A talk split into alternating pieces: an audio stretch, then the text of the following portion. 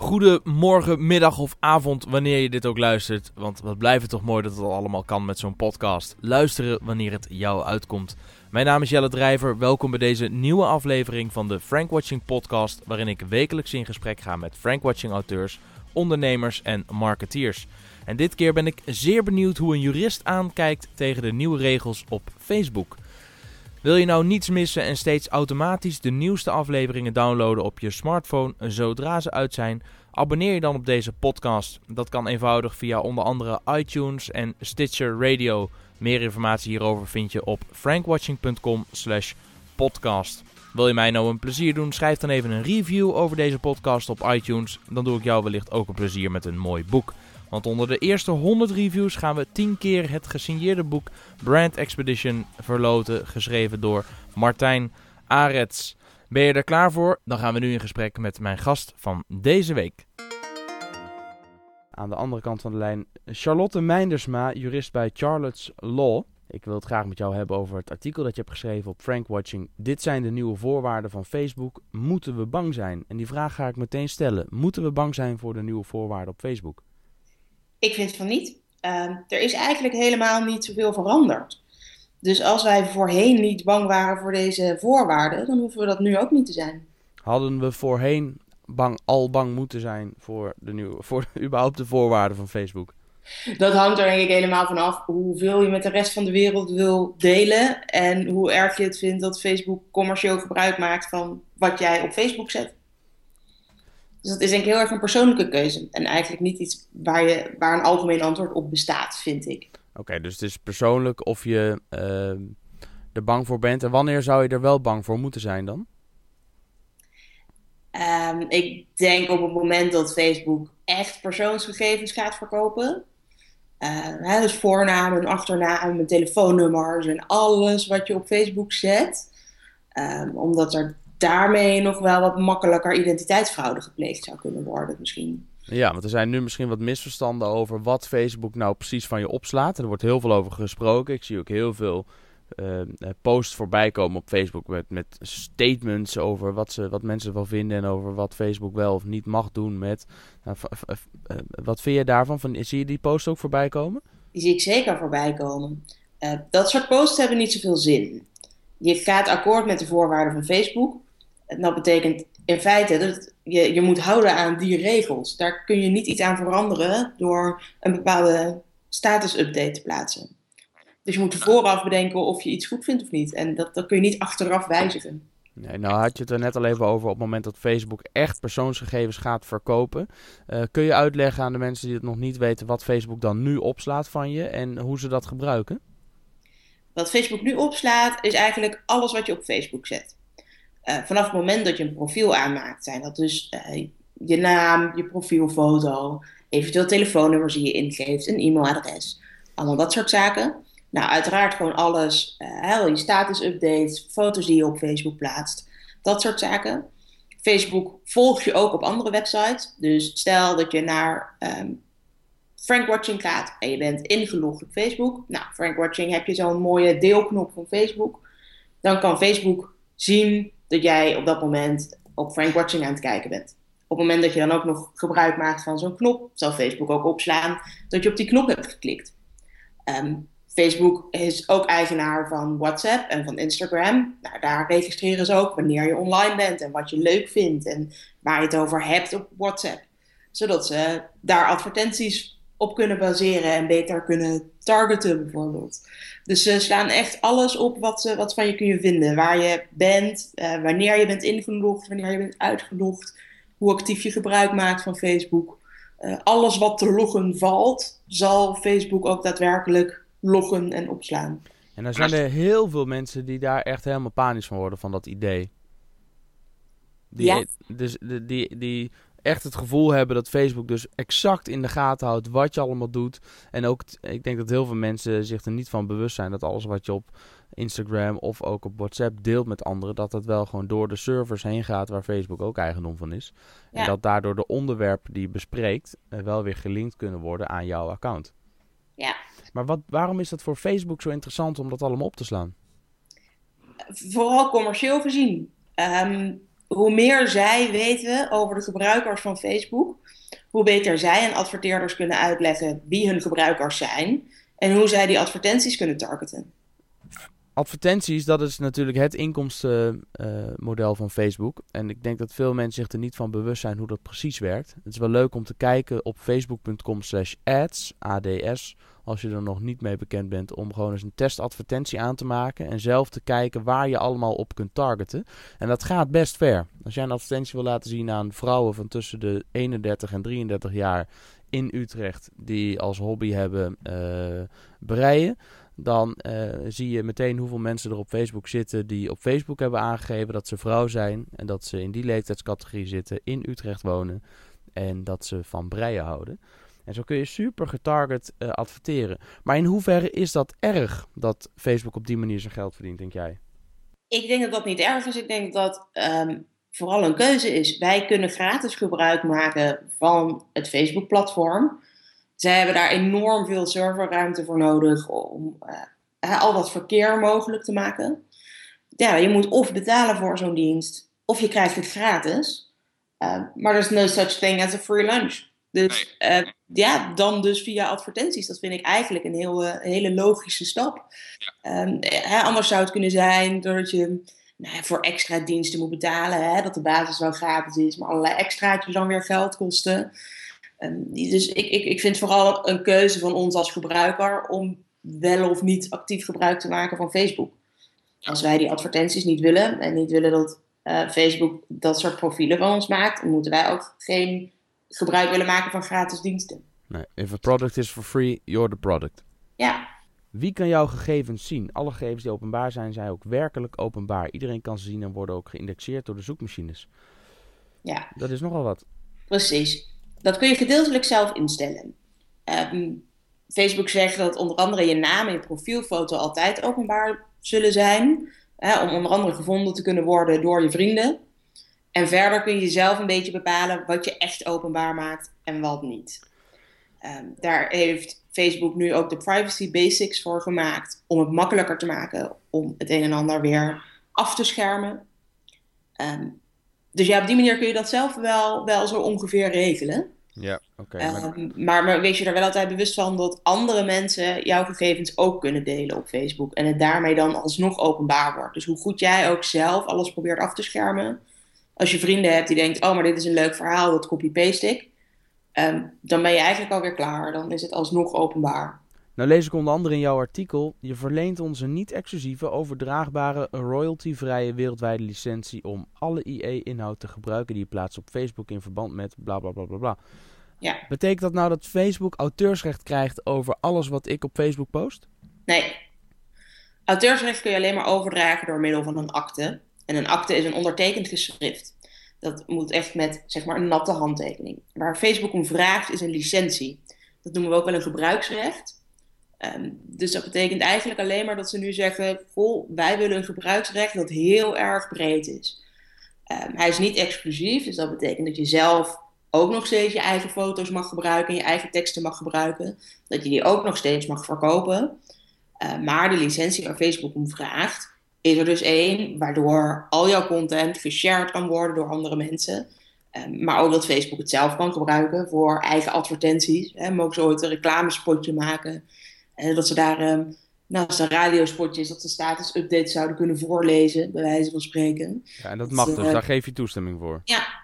ja, voor alles. En zij mogen het dus ook gaan verkopen aan adverteerders, zodat een andere adverteerder foto's kan gebruiken voor een billboard.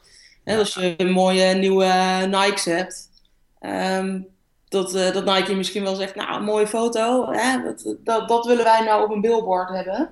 Want daaraan zien mensen echt wat, uh, wat een gebruiker vindt van onze schoenen. Daar ga je dus mee akkoord. Dus als je over de snelweg rijdt, je rijdt over de A2 en je ziet naast de weg in één keer een hele grote foto van jou met nieuwe Nike's aan en het Nike-logo dan kun je daar niks tegen inbrengen, want je hebt Facebook het recht gegeven om die foto te gebruiken voor dat soort doeleinden. Ja, in principe wel. Zo hooguit nog, als je daar echt zelf ook op staat, misschien dat er dan ook wat rondom portretrecht te regelen valt, want daar zegt Facebook zelf niks over. En dan is even de vraag, goh, hè, mogen we dan afgaan van het Nederlandse recht? Of toch van het Amerikaanse recht, omdat het nou eenmaal een contract is met, met een Amerikaans bedrijf? Ehm, daar zou je eventueel nog wat over kunnen dubben. Ehm, maar als het zeg maar alleen maar uh, je, je benen en je voeten zijn met, met die Nike's aan je voeten, ja. ja dan mag dat. Oké, nu zeg je al Amerikaanse recht. Daar uh, hoor ik nog wel eens mensen over. Uh, zeker als het ook gaat om cloud-oplossingen en dingen die je doet op het internet, is hier het Amerikaanse recht van toepassing of het Europese recht. Wat is daar nou het belangrijkste verschil in? Het verschil tussen die twee rechtsgebieden bedoel je? Ja, want je hoort het, je hoort wel eens over Patriot Act en over uh, het wel of niet mogen gebruiken of opslaan van gegevens. En, en bedrijven willen graag dat, dat ja. die data in Nederland of in Europa wordt opgeslagen, niet in Amerika. Ja. Waarom vinden ze dat zo belangrijk? Het idee is dat um, er in Amerika makkelijker service, servers doorzocht mogen worden door de Amerikaanse overheid. Uh, en dat ze daar minder voor nodig hebben dan in Nederland. In Nederland mag het eigenlijk allemaal niet zomaar doorzocht worden. Dan uh, moet er eigenlijk bijvoorbeeld al een strafrechtelijke verdenking zijn hè, van, een, van een misdrijf of iets dergelijks. Nou, en dan gaan ze kijken, hoe kunnen we op die servers iets vinden wat niet helemaal deugt. Oké, maar als je niks te verbergen hebt, dan, is, dus dan hoef je daar niet zo druk over te maken. Kun je dat rustig stellen? Uh, nou, ik denk dat je altijd wel wat te verbergen hebt, omdat ook de combinatie van gegevens uh, die verkeerd geïnterpreteerd kan worden, iets over jou kan zeggen wat helemaal niet waar is. En daar hebben we geen controle over. Dus ik denk dat je nog steeds wel uit moet kijken met wat je deelt. Ook als je zelf denkt dat het heel onschuldig is, um, als het verkeerd geïnterpreteerd wordt, ja, dan, dan ben je alsnog de sjaak. Okay. Dus kijk ook uit met grapjes bijvoorbeeld. Hè. Zeker die kunnen verkeerd geïnterpreteerd worden. Uh, kijk uit met wie je vrienden wordt op Facebook. Want als je vrienden wordt met mensen die, die niet helemaal zuiver zijn, ja, dan uh, word je daar toch mee in verband gebracht. En dan kom je misschien ook nog op een lijstje te staan hier en daar. Uh, dus ik, nee, ik zou daar wel nog steeds mee, mee uitkijken. Ja. Kortom, gezond verstand, bewust omgaan met deze tools. Ja. Oké, laatste vraag. Als je nou niet wil dat Facebook die gegevens opslaat en niet wil dat Facebook jouw foto met je nieuwe Nike's kan gebruiken voor een billboard, et cetera, et cetera. Wat moet je dan doen? Wat is dan de enige oplossing? weggaan bij Facebook. Het, is, ja, is, een hele flauwe. Maar eigenlijk, als je echt zegt: Ik wil het absoluut niet, ik wil nul risico lopen, dan moet je gewoon geen Facebook-account hebben. Gedeeltelijk kun je wel wat oplossen um, door je uh, status-update en je foto's en dat soort dingen heel strikt privé te houden op Facebook. Maar wat ik eerder al zei, stel dat vrienden van je zeggen: Oh, maar dat vind ik een mooie foto, die ga ik delen Um, en dan niet alleen maar door de deelknop, maar bijvoorbeeld door te copy-pasten. Of er is toch ergens iets, iets misgegaan in, uh, in een algoritme of zo van Facebook. Waardoor uh, het toch openbaar gedeeld wordt. Ja, op het moment dat het openbaar is, is het openbaar. En daar heb je gewoon net te weinig controle over. Dus dan moet je eigenlijk zorgen dat het helemaal nooit op Facebook terechtkomt. En niet te veel uh, vertrouwen op je eigen privacy-instellingen. Nee, ga er maar bij alles wat je plaatst vanuit dat het publiekelijk is en permanent. Ja. Want vooral dat laatste permanent is het echt, ben je helemaal klaar op het moment dat je je Facebook-account verwijdert. Is daar met, trek je daarmee meteen dat recht dat je aan Facebook hebt verleend uh, in? Of geldt dat alleen, uh, of blijft alles wat je ooit gedeeld hebt onder dat recht vallen of onder die licentie? Alles van je eigen account wordt weggehaald. Meteen? Of na een poosje? Um, ja, daar, daar, gaat, daar gaat vast wel even een tijdje overheen. Het zal nog op de servers van Facebook blijven staan. Uh, maar dan is het niet meer openbaar. Dus okay. vanaf dat moment mag Facebook het niet meer gebruiken. Okay. Maar op het moment dat iemand anders jouw content gedeeld heeft, en dan heb ik het dus eigenlijk al simpelweg over de share buttons. Ja. Uh, dan staat er al dus op, het, op een profiel en op een account van iemand anders. En dan geldt dus eigenlijk weer um, ja de voorwaarden waarmee die persoon dan weer akkoord ja, Die heeft dezelfde licentie afgegeven. Die heeft, dus, ja, die heeft eigenlijk nog een keer voor, dat, voor hetzelfde beeld, voor diezelfde tekst een licentie gegeven. Um, dus daardoor is het nooit zo dat als jij je profiel van Facebook afhaalt, dat meteen alles eraf is gehaald. Omdat er genoeg mensen zullen zijn die jouw content al gedeeld hebben, waar dus alweer een licentie op rust. Dus samenvattend, als je tot nu toe Facebook hebt gebruikt en je vindt het geen probleem uh, en je vindt het prettig om te gebruiken en je vindt de functionaliteiten en de toegevoegde waarde groot genoeg, dan kun je het prima blijven gebruiken. Alleen zorg ervoor dat je heel bewust omgaat met alles wat je plaatst en wat je deelt.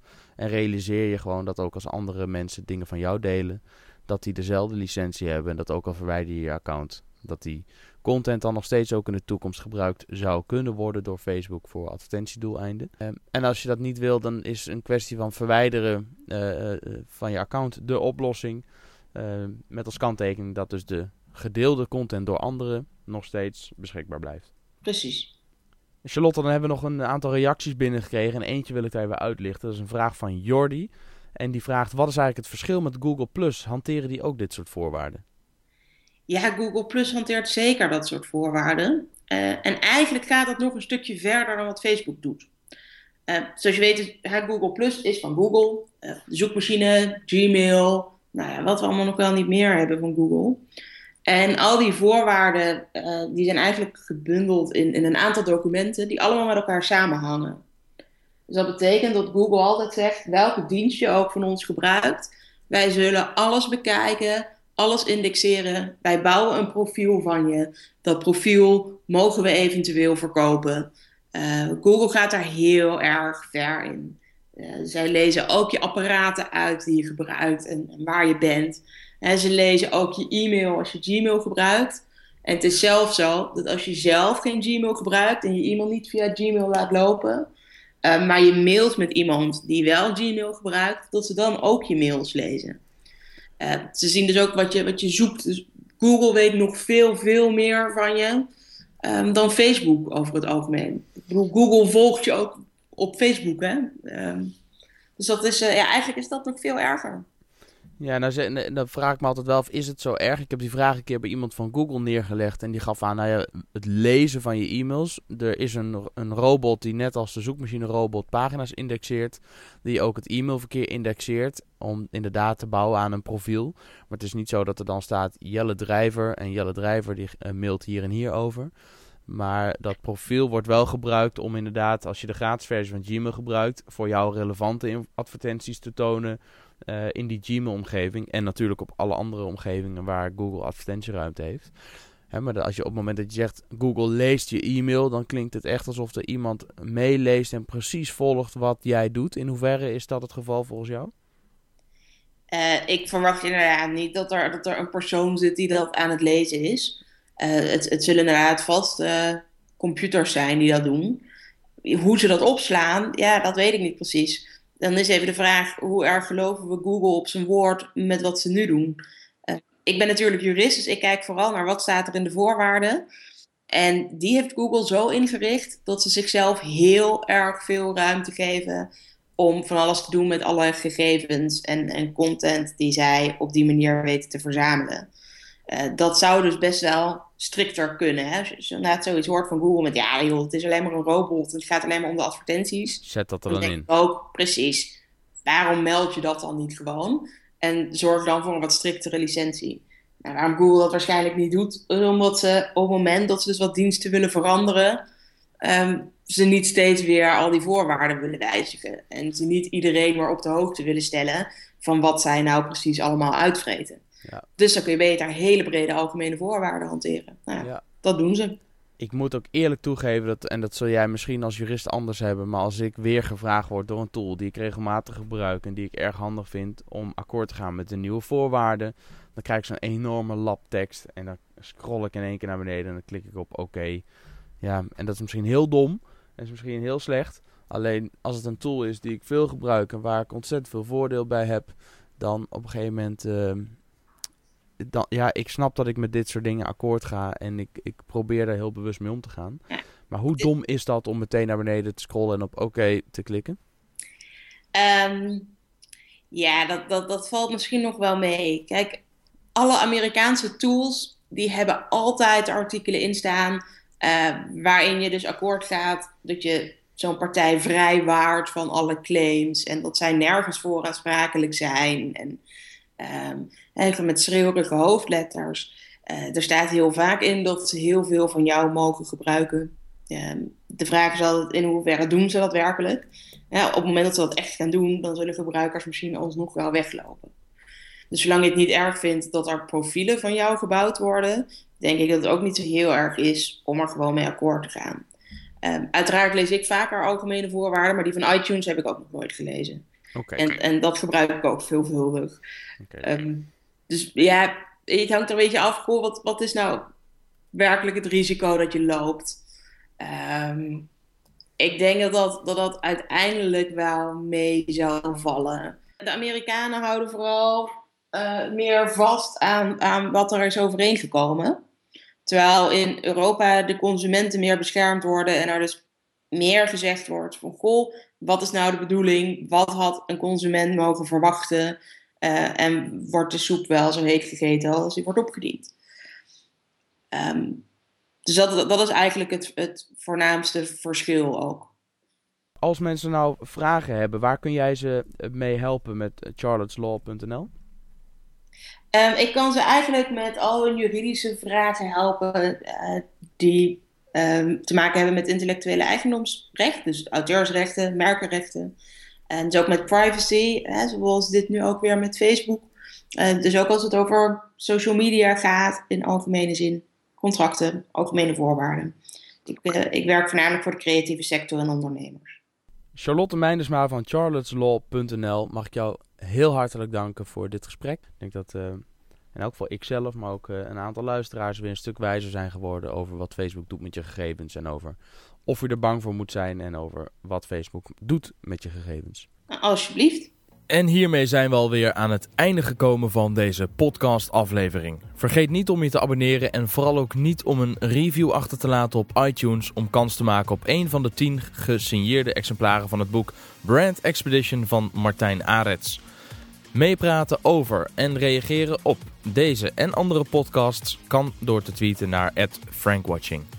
Ik ben Jelle Drijver. Wil je reageren of heb je vragen, dan kan je mij ook bereiken via de mail op info.jelledrijver.nl en via Twitter op @jelledrijver. Voor nu, dankjewel voor het luisteren en tot de volgende podcast.